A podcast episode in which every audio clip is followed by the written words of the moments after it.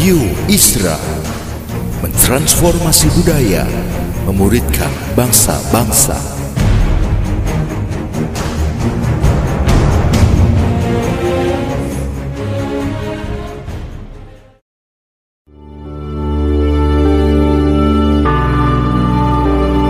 Apostolic Prophetic Messages mengungkapkan pesan dan arahan dari hati Tuhan bagi gerejanya demi menuntaskan mandat kerajaan Allah di Indonesia dan bangsa-bangsa. Selamat mendengarkan.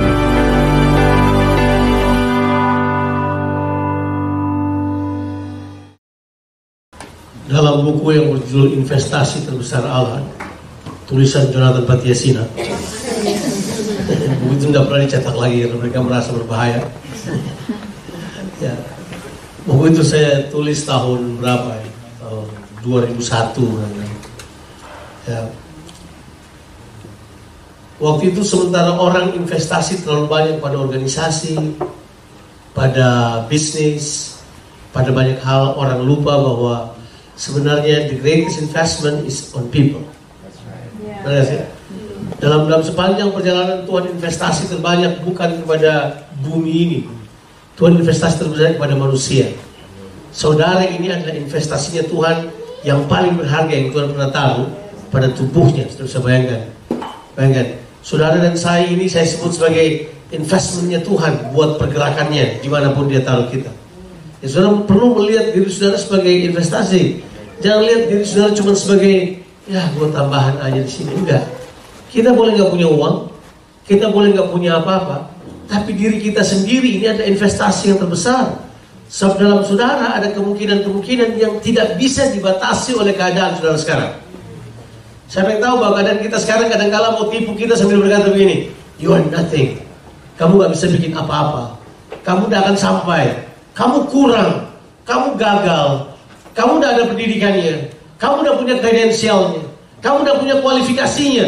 Tapi mari saya beritahu saudara, waktu Tuhan investasi dalam kehidupan kita, sebenarnya kita ini adalah investasi terbesar Tuhan. Di sepanjang sejarah Tuhan pilih orang-orang yang sederhana, orang-orang yang biasa-biasa, tapi orang-orang tersebut kemudian Tuhan investasikan kuasanya, investasikan kemuliaannya, investasikan dirinya, supaya orang-orang tersebut kemudian mewakili Tuhan atas nama Tuhan, mereka berjalan dan kemudian membuat perubahan. Pernah dengar orang yang bernama John Wesley? Hmm. Tahu nggak dia siapa? Ada pernah baca nggak cerita John Wesley? Dia itu adalah anak ke-13. Anak ke-13. Waktu keadaan susah, ayahnya dia bersama Samuel Wesley, dengan saya lupa nama nama ibunya, tapi yang terjadi adalah waktu anak ke-12 yang meninggal, anak ke-13 mereka ingin gugurkan. Mereka ingin gugurkan si ya, bayi di kandungan ini. Mereka pikir ini bikin susah. Lagi kena resesi, lagi kena kesulitan keuangan. Mereka pikir, yuk kita gugurkan saja anak ini. Sebuat apa dia hidup? Anak yang ke-13. Pada zaman itu ke-13 sudah merupakan angka sial. Dalam ya, dalam dalam dalam ilmu dalam ilmu numerologi angka 13 disebut angka jahat. Jadi mereka pikir anak ini tidak bagus untuk hidup. Mereka putuskan untuk gugurkan anak itu. Tapi tengah malam ibunya berkata begini, masa sih saya telah kehilangan banyak anak yang lain. Ini ada kesempatan yang baru. Kenapa saya tidak tahan anak ini? Anak itu ditahan sampai melahirkan. Setelah dilahirkan anak tersebut, kemudian mereka lupa apa yang terjadi pada anak ini. Tapi karena anak ini Inggris berubah dengan cara yang sangat luar biasa. Kalau nggak ada John Wesley, Inggris jadinya kayak apa? Kayak Prancis, kayak Rusia. Karena komunis sudah ada di ujung dari mereka punya pergerakan. Siap gulingkan mereka. Tapi John Wesley, Metodis, dan semuanya mereka kemudian yang rubah. Masih ingat revolusi Prancis? Revolusi Prancis itu kemudian hendak pergi ke Inggris. Inggris bakal diruntuhkan dari sebuah bentuk kerajaan berubah menjadi sebuah republik. Siapa yang hentikan tersebut? John Wesley dengan kudanya dia travel. Sekarang kita naik mobil. Dulu John Wesley naik kuda, men. Berjalan 150 mile pakai kuda. Coba bayangkan cuma pakai kuda 150 mile. Kalau sudah nggak jalan begini besok paginya. John Wesley, bayangkan 150 miles to 250 miles. Dia pakai kuda untuk pergi ke perkampungan, perkampungan, perkampungan ke tempat pabrik-pabrik, ke tempat orang bekerja. Hanya untuk beritahu buat mereka ada harapan di dalam Tuhan. Dia presentasi kerajaan Allah kepada mereka, tapi untuk mempertahankan kerajaan Inggris, tidak bisa bayangkan. Inggris kemudian tetap bertahan sebagai sebuah negara monarki sampai hari ini karena ada orang kayak John Wesley. Suka-suka Siapa dia? Ada seorang yang kemudian membawa pergerakan apa ini? Pergerakan para awam. Walaupun saya tidak setuju istilah itu, tapi John Wesley yang pertama-tama di dalam pergerakan ini bilang begini, semua orang kalau dilatih bisa melayani. Mereka tidak perlu sekolah teologi, mereka tidak perlu kemudian masuk ke sekolah-sekolah seminari-seminari. Mereka orang biasa-biasa. Makanya nama pergerakan mereka disebut sebagai apa? Pergerakan metodis. Tahu dari kata apa? Method. John Wesley buat method, dia ajar orang-orang sederhana, dia ajar guru-guru, dia ajar petani-petani, dia bilang begini caranya melayani. Petani-petani itu pulang, dia layani teman-teman petaninya. Dalam waktu singkat, metodis menjadi seperti wabah di seluruh Inggris. Mengapa? Karena ada satu orang yang memulainya. Siapa dia? Investasi Tuhan buat generasi ini. Zaman demi zaman Tuhan cari hal tersebut. Kemudian saya sadar bahwa setiap kita ada investment Tuhan untuk tubuhnya. Untuk apa? Untuk satu saat dia pakai. Ini prinsip investasi. Saudara ada investment. Harusnya saudara terbiasa menginvestasikan hidup saudara dalam kerajaan Allah. Tuhan pilih kita di, di, di garam ini. Di garam ini bentuknya barangkali. Orang tanya kita bentuk gereja kita. Kita seperti bukan gereja. Apa coba? Persekutuan bukan gereja bukan, apa-apa bukan. Tapi yang saya tahu begini, di sini tempat berkumpulnya orang percaya yang dilayani, Roh Kudus datang di tengah-tengah kita, gak ada yang paksa, gak main apa-apa, biasa aja. Nah, di dalam sebuah buku yang berjudul The End of the Church as a Culture jadi gereja dalam buku itu dia bilang ini, gereja sebagai budaya Kristendom itu sudah berakhir. Jadi kita harus mendirikan sebuah jemaat yang seharusnya bukan ikuti budaya-budaya sebelumnya. Kita harus berdiri sebagai apa yang Alkitab katakan. Apa yang kita bangun harusnya lebih Alkitabiah daripada sekedar ikuti sejarah yang ada. Benar gak sih? Di negara barat, teliti aja Australia, sudah pergi ke gereja-gereja yang gedungnya gede-gede, yang gedungnya besar-besar, sekarang ini mulai ditinggalkan. Dalam buku yang berjudul ini, dikatakan ini, The End of Christendom. Akhir dari pengaruh gereja secara agama sudah selesai. Makanya begini, kalau kita cuma bermain agama-agamaan, rugi besar saudara. Sebab yang kayak begitu sedang mengalami penurunan yang sangat besar. Gereja di hampir semua negara barat sedang kosong, Gereja hampir semua negara barat sedang mengalami penurunan rohani. Mereka tidak bergairah. Kristen cuma sebagai agama. Mereka Kristen tapi tidak pernah ke gereja. Mereka Kristen tapi tidak pernah menyembah Tuhan. Mereka mengaku mereka Kristen tapi tidak pernah tahu siapa Tuhan itu sendiri. Dan kemudian kita tanya pada mereka, Are you Christian? Apa jawabannya mereka?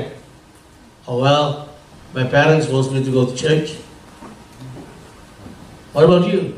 Oh, I don't think so. Jawabannya ini, I'm agnostic. Terakhir adalah I'm a. Hampir semua orang Australia kayak gitu. Hampir semua yang saya ketemu by the way. Mereka mengaku enggak. Ke mana mereka? Apa yang terjadi? Nah makanya kita sebagai orang-orang yang Tuhan pilih, kemudian dia investasikan kita pada tubuhnya untuk terlibat dalam pelayanan. Mari begini, jangan berhenti. Jangan menyerah. Saudara perlu sekali untuk terlibat. Sebab saudara punya waktu sangat sedikit. Hmm. Waktu kita sangat sedikit. Yeah. Kita dipilih oleh Tuhan dalam kondisi yang seperti sekarang. Waktu kita sangat sedikit.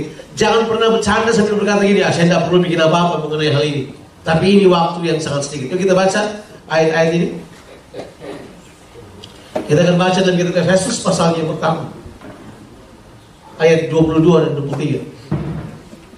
Ini prinsip yang saya mau kita bahas bahwa kita harus bersama-sama menjadi satu tubuh yang bergerak secara utuh untuk menuai. Kita tidak bisa lagi. Efesus pasal yang pertama ayat yang ke-22. Dan segala sesuatu. Bilang dulu, segala sesuatu. Dan segala sesuatu. Apa artinya segala sesuatu? Semuanya. All. Dan segala sesuatu telah diletakkannya di bawah kaki Kristus. Segala sesuatu telah diletakkan di bawah kaki Kristus. I want you to think. Kaki Kristus itu apa? Nah, kita baca berikutnya. Dia telah diberikannya turun masih ayat 22 tadi. Dia telah diberikannya kepada jemaat sebagai kepala dari segala yang ada. Siapa dia ini? Yesus.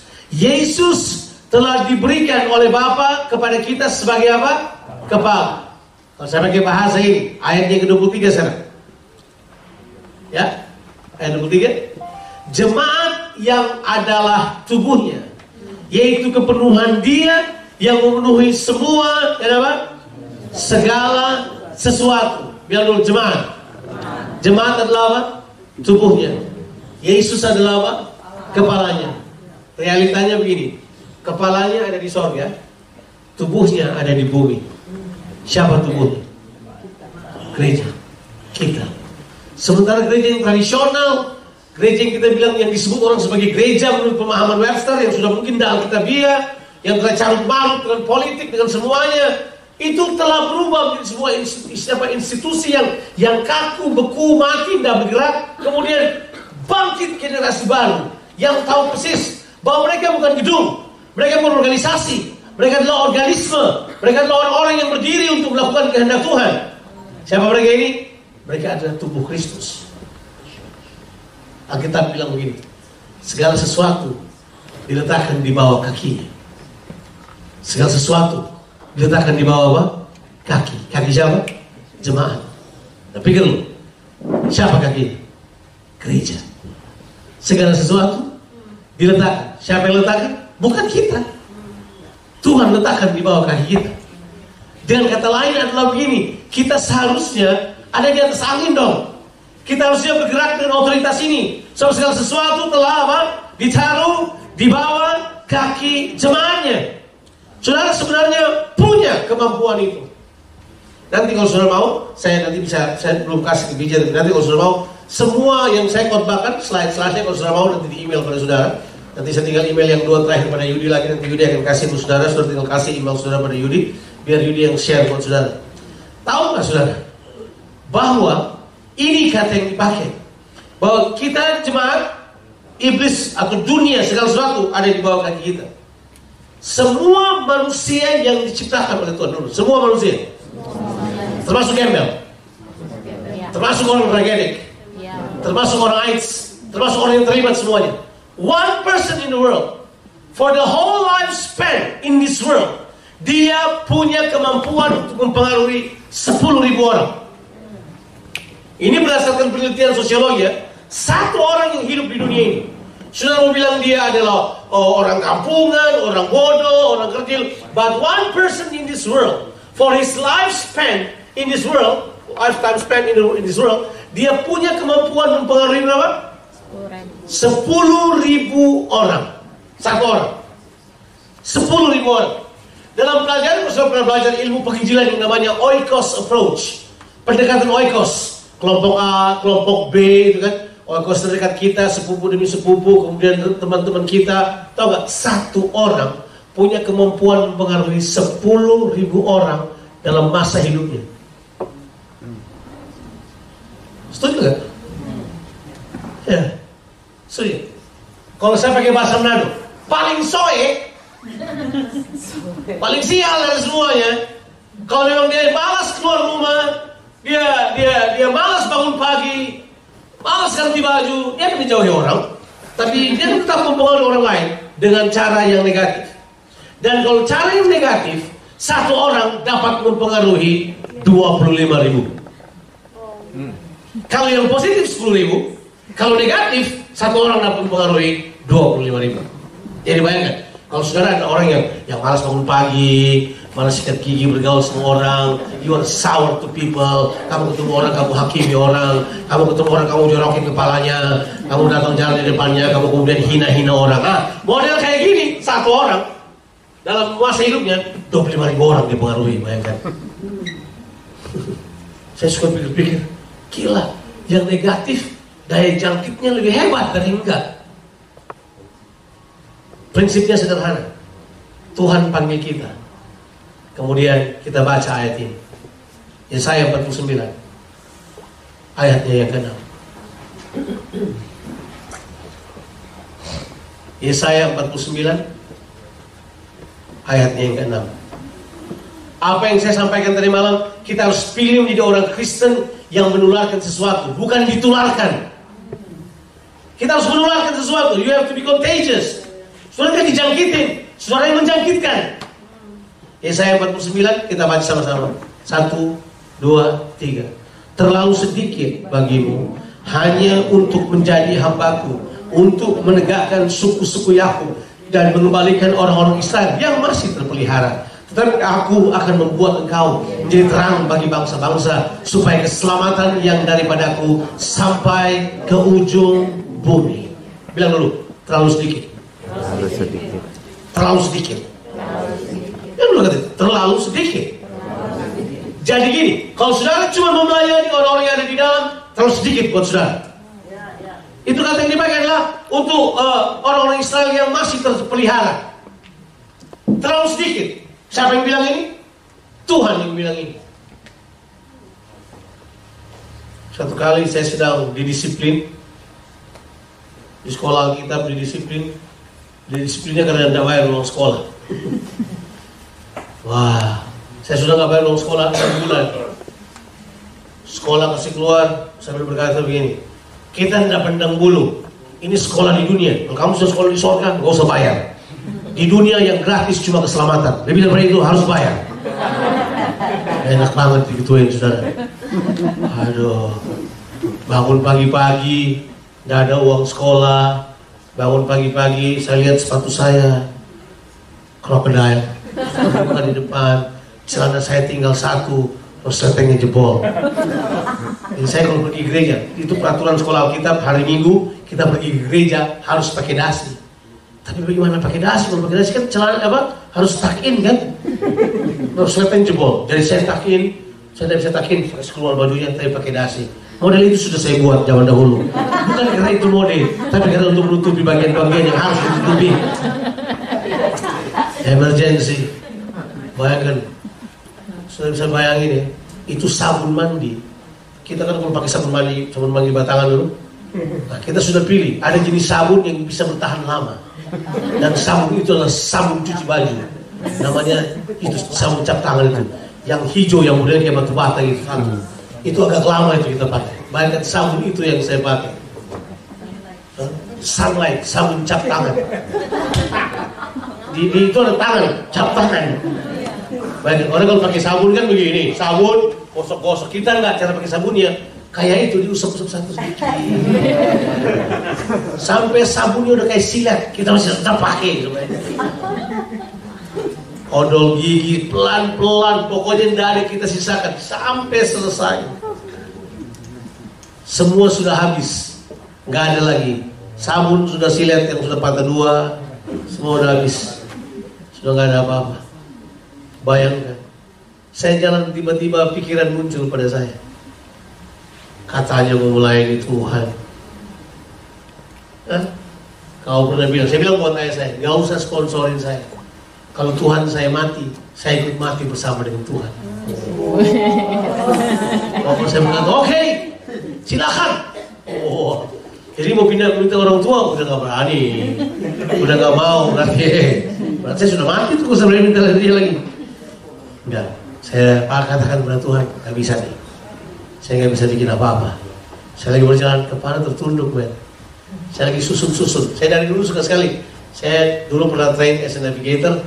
Jadi saya baca itu. Ada ayat-ayat hafalan, tau nggak? Ayat-ayat hafalan. Kita buka-buka satu persatu kan. Kita buka baca-baca ayat hafalan. Saya keluar dari kamar. Indomie nggak ada. Di sekolah Alkitab, by the way, Indomie seperti emas. Di malam hari seperti emas. Itu begitu nikmat udah nggak ada lagi, semua udah nggak ada. Saya keluar, saya buka, saya susun apa yang saya baca. Ya saya 49 ini muncul di atas paling atas. Bunyinya adalah begini, terlalu sedikit bagimu untuk menjadi terang hanya untuk suku-suku Israel. Tapi Tuhan akan memakai kamu untuk bangsa-bangsa. Terjemahan bahasa Indonesia sehari-hari. Tuhan bilang ini, Tuhan berkata kepadaku, tugas yang lebih besar menanti engkau, hai hambaku. Kau tidak hanya memulangkan sisa-sisa keturunan Yakub dan memberikan kebesaran suku-suku Israel, tapi kujadikan pula terang bangsa-bangsa supaya seluruh dunia diselamatkan. Saya baca ayat tersebut, seperti ayat tersebut kuasai seluruh kehidupan saya. Di tengah taman di Tawangmangu itu, ada taman itu. Saya berlutut di situ. Saya kemudian menangis di depan Tuhan. Saya berkata, kalau Tuhan gak tolong saya, saya mesti keluar dari sekolah ini. Gak ada jalan lain lagi. Tapi ayat ini seperti tempat raya dalam diri saya terlalu sedikit bagimu. Tahu nggak? Sejak hari itu, every time saya masuk ruang doa, apa yang saya lihat? Begitu saya berlutut, saya melihat tumpang tangan orang bule. Begitu saya berlutut, saya tumpang tangan orang hitam. Begitu saya berlutut, saya ada di negara lain. Begitu saya berlutut, saya ada di Belanda.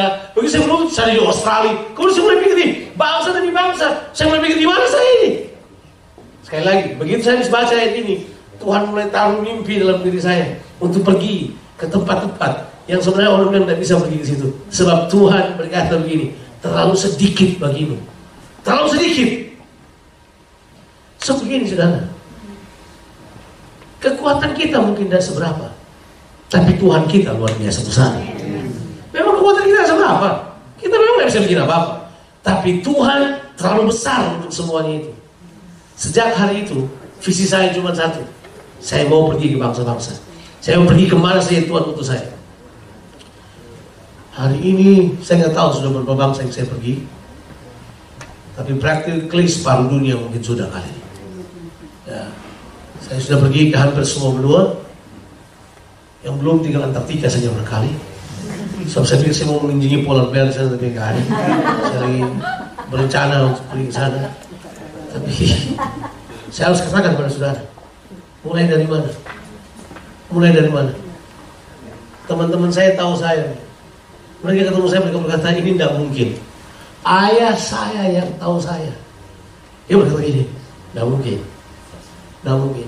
Saudara-saudara saya yang kenal saya dari dekat, mereka berkata, kok bisa? Kita investasi ya Tuhan. Tuhan bisa invest dalam kehidupan kita. Hal-hal yang kita tidak bisa mengerti dengan akal pikiran kita. Yang ada adalah menyerahlah pada Tuhan. Tuayan begitu banyak. Jangan jadi jago kandang. Biar dulu, jangan jadi jago kandang. Makanya kadang kita harus berpikir selalu beyond ourselves. You know, think beyond ourselves. Kadang-kadang memang memang harus ada perhitungan, saya tahu harus ada perhitungan. But we have to think beyond ourselves. Saya sampai hari ini, believe it or not, dalam hari saya masih mengandung hal tersebut, tidak tahu kapan saya melahirkannya. Saya sudah lama sekali tidak melahirkan ini sudah, sudah lama sekali. I still actually pregnant with this idea bahwa satu saat garam akan punya English service. Dan waktu kita mendirikannya kita tidak akan pernah tutup itu hal. Kita tidak buka, tutup, buka, tutup. Kita tidak seperti itu. Kita tidak buka, tutup, buka, tutup. Enggak. Sekali kita buka, dia akan bertahan.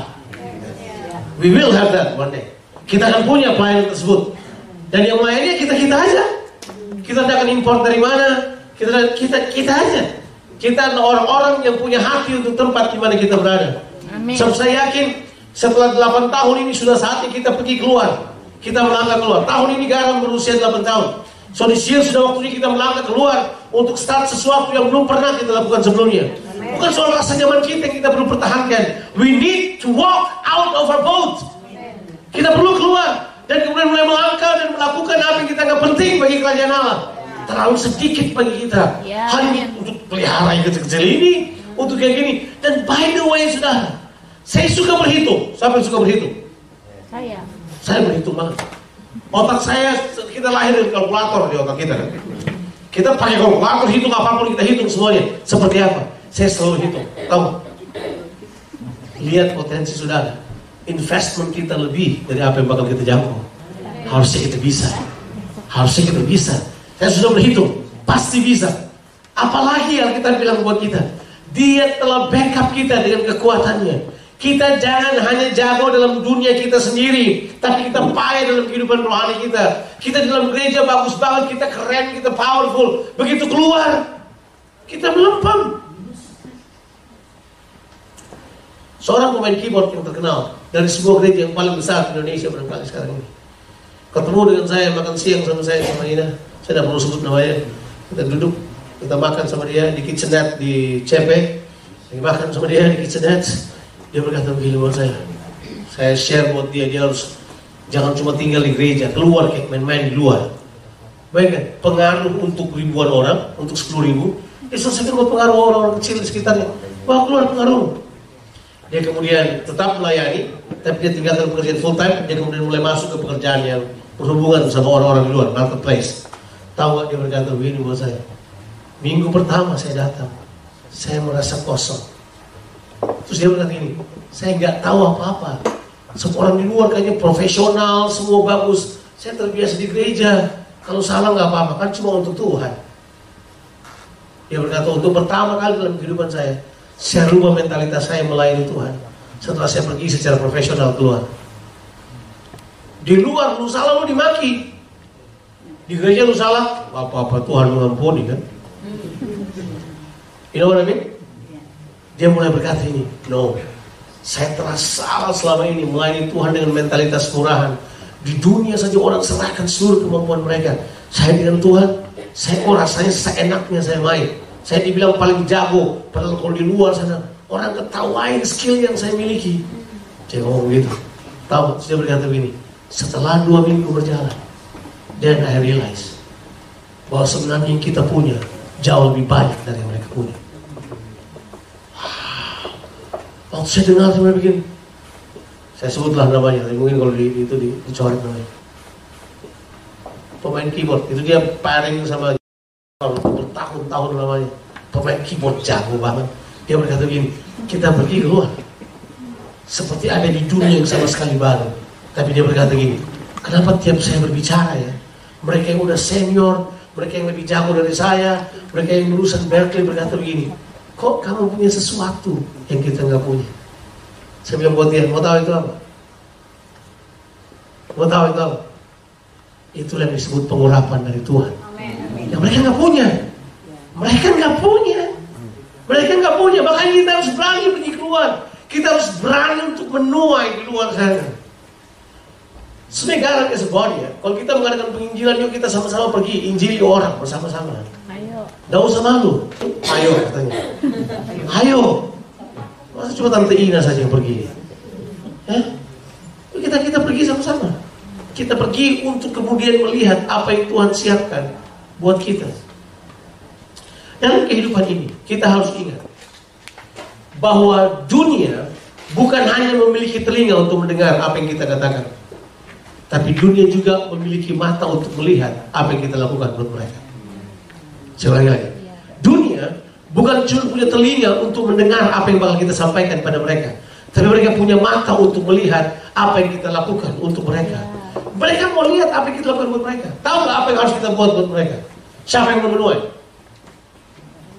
Siapa yang mau menuai? Menabur. Iya. Kalau mau menuai tanpa menabur, itu curang. Kita ambil ayat berkata, kamu akan menuai di tempat di mana kamu tidak menabur. Bolehlah. Tapi begini, menaburlah supaya menuai. Siapa tahu lebih pasti lebih bagus. Maka kita perlu menabur. Menabur apa? Ini kita perlu buat, kita perlu berhenti untuk terus menabur. Kalau kita menuai, kita perlu menabur. Paling tidak, menaburlah pada orang-orang yang tiap hari kita ketemu. Menaburlah buat teman-teman sekolahmu, teman-teman yang ada di kelasmu. Menabur buat mereka. Apa yang kita bisa tabur buat mereka? Berdoa buat mereka. Berdoa buat mereka. Saya nggak heran kalau istri saya terlalu berani untuk pergi dan memberitakan Injil pada orang lain. Saat saya tahu Ina kalau bangun pagi-pagi sementara suaminya masih ngorok, saya sudah berdoa. Tuhan jiwa-jiwa diselamatkan. Dari dulu. Dari dulu. Dia sudah bangun pagi-pagi, saya berkata, Tuhan, jiwa diselamatkan. Dia berdoa buat orang lain. Sementara suaminya ngorok, baru tidur jam 12, terus tidur sebulan. Saya suka berkata, tutup telinga tidur lebih panjang. Tapi at least, orang kalau menabur, mereka pasti menuai. Makanya saya gak heran, tiap dia bicara sama orang, orang terima aja. Sudah ditabur, tinggal menuai. Kita gak pernah nabur. Terus ditanya, karena mereka tolak ya, ya menabur dulu lah. Karena again, again, again, Dunia bukan cuma punya telinga untuk dengar message kita. Mereka punya mata untuk melihat sebenarnya. They know if you care or you not. Yeah. Iya kan? They know if you care or you don't care. Mereka tahu bahwa kita sebenarnya memperhatikan mereka atau tidak. Coba, coba bilang kata ini, caring. Caring. Caring nggak harus hebat. Kita tengah hidup di satu dunia yang cuek. Pikir diri sendiri. Satu perhatian aja bisa rubah pandangan mereka. Saya cerita ini dan kita selesai. Satu kali saya diundang di sebuah gereja di Jogja. Sebuah gereja di Jogja. Saya diundang dan aneh banget. Undangannya aneh. Ini ini baru saya rasa aneh. Tapi undangannya begini. Mereka tulis jelas di undangannya. Bang Jo, kita mau Bang Jo datang untuk share. Bukan kotor. Share. 10 menit saja. Itu baru introduction untuk pengkhotbahkan saya 10 menit. Terlalu singkat. Jadi Bang John sama Frankie Sihombing, waktu itu masih Frankie Sihombing. Zaman dahulu kala, bukan yang sekarang. Zaman dahulu. Sama Frankie Sihombing. Frankie bakal menyanyi satu lagunya dia.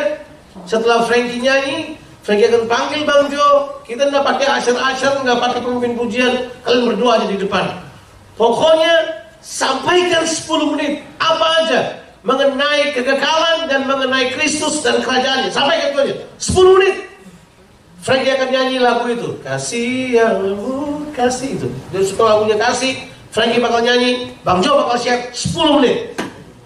Semua orang yang bakal hadir nanti, itu kami sudah catat namanya. Jadi yang tidak tercatat namanya, tidak bakal masuk. Saya bilang ini kebaktian apa? Kalau master businessman juga nggak begini. Saya tanya berapa orang yang bakal datang? Jawabannya antara 1.500 sampai 2.000 orang. Hah? Jemaat berapa? Jemaat kami cuma 300. Hah? Lebih kaget lagi. Oke, datang. Saya datang. Sampai bikinnya mereka sewa. Mereka sewa aulanya Gajah Mada. Bulak Sumur punya aula, mereka sewa. Jadi kemudian kita orang harus baris ngantri di depan. Ngantri di depan. Sudah. Singkat cerita, saya masuk ke dalam ruangan itu. Orang udah duduk di bawah, tinggal stage. Jadi udah kayak ke, bukan kebaktian kayak kayak teater gitu. Stage, gelap gelap gelap gelap gelap gelap stage. Besar gitu. Ada gitar satu buat Frankie, ada mikrofon satu buat saya. Kemudian dia berkata begini, Q-nya gini Bang Jo. Habis grup ini nyanyi. Ada satu grup band, selengean banget grup bandnya mereka. Nyanyi lagu-lagu yang udah nggak jelas-jelas ini lagu rohani atau bukan. Bukan dalam nyanyi. Habis grup band ini, Bang Jo langsung naik. Gak usah pikir yang lain. Frankie Soloming bakal masuk, Frankie Soloming bakal nyanyi, panggil Bang Jo lagi, Bang Jo panggil mereka. Oke, alter call. Oke, let's do it. Siap. Mulai. Singkat cerita. Khotbah 10 menit. Kita kan mesti mikir. 10 menit mau khotbah apa? Saya khotbahkan saja yang sederhana. Yesus ketemu dengan perempuan yang tertangkap basah berzina. Yang kata lain, Tuhan mengasihi. Orang salah, orang berzina, Tuhan tetap mengasihi. Dia mau pulihkan dan seterusnya. Saya habis khotbah tersebut, selesai. Frankie Shopping nyanyi satu lagu, selesai. Saya pegang mikrofon saya lagi, saya berkata, siapa yang mau terima Yesus? Baik, itu aja. Saya mau mengalami kasih Tuhan. Diam, nggak ada apa-apa. Tiba-tiba satu orang berdiri, kemudian dia ajak yang lain. Oh, kok pakai ajak? Datang 10 orang, datang 10 orang, datang 20 orang. Pelan-pelan, pelan-pelan. Tunggu, punya tunggu.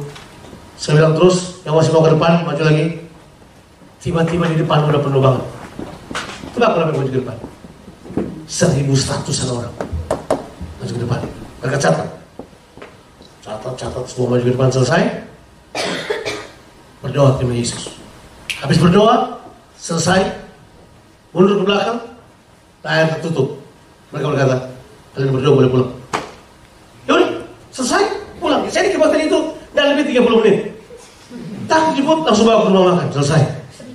Apa yang terjadi? Selesai, sebentar kita makan, datang orang-orang yang sudah berkata, yang bertobat hari ini, angkanya lucu banget. Angkanya satu satu satu satu satu seribu seratus sebelas orang.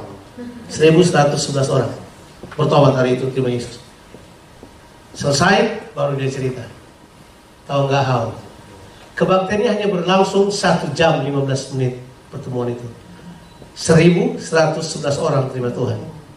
Nah, gampang kan? How-nya itu, Bo.